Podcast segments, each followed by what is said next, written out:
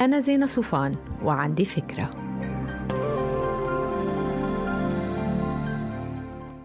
الطريقة اللي بنستقبل فيها يومنا بتحدد لمدى بعيد الطريقة اللي رح يكفي فيها نهارنا.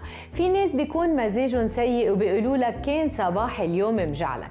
طيب شو بنعمل ليكون صباحنا بداية ممتازة ليوم ممتاز؟ أول شيء الصبح مش معمول ليضيع على التفكير بأمور ما إلها أهمية. يعني ما في داعي نستهلك طاقاتنا الإدراكية باختيار التياب يلي رح نلبسهم أو ترتيب وراق أو وثائق عايزينهم للنهار.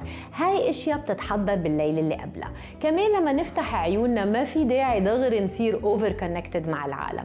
أكيد التليفون والواتساب والفيسبوك بينطروا لتقطع أول ساعة من النهار لأنه إذا بلشنا فيهم رح نضيع ساعة وأكثر وتهبط همتنا. بهاي الساعة الأفضل ناخد شاور ونشرب مي لنغسل جسمنا من جوا ومن برا وبعدها نرتب أفكارنا للنهار عبر مراجعة جدول أعمالنا والتأكد بأنه فعلا الأولويات مرتبة فيه بشكل سليم. نشرب قهوتنا بهدوء ونتناول فطور صحي. اللي بينام بكير وبفيق بكير بيقدر يضمن برنامجه الصباحي وقت للرياضة أو التأمل. كتير من الناس الناجحين بيشتركوا بهالأمر على فكرة.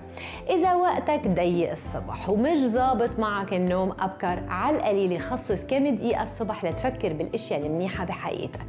يمكن الصحة. يمكن نجاحك بشغلك يمكن هالولاد اللي ماليين عليك حياتك. حس بالامتنان والشكر. هيدا بيملأك بالطاقة الإيجابية وبيرسم ابتسامة على وجهك حتى لو كان قدامك نهار مضني أو طويل. وآخر شي شو ما كان الروتين الصباحي يلي بترسوا عليه التزموا فيه لأنه رح يأسس لكم لبدايات صحيحة ولنهارات قابلة للإدارة.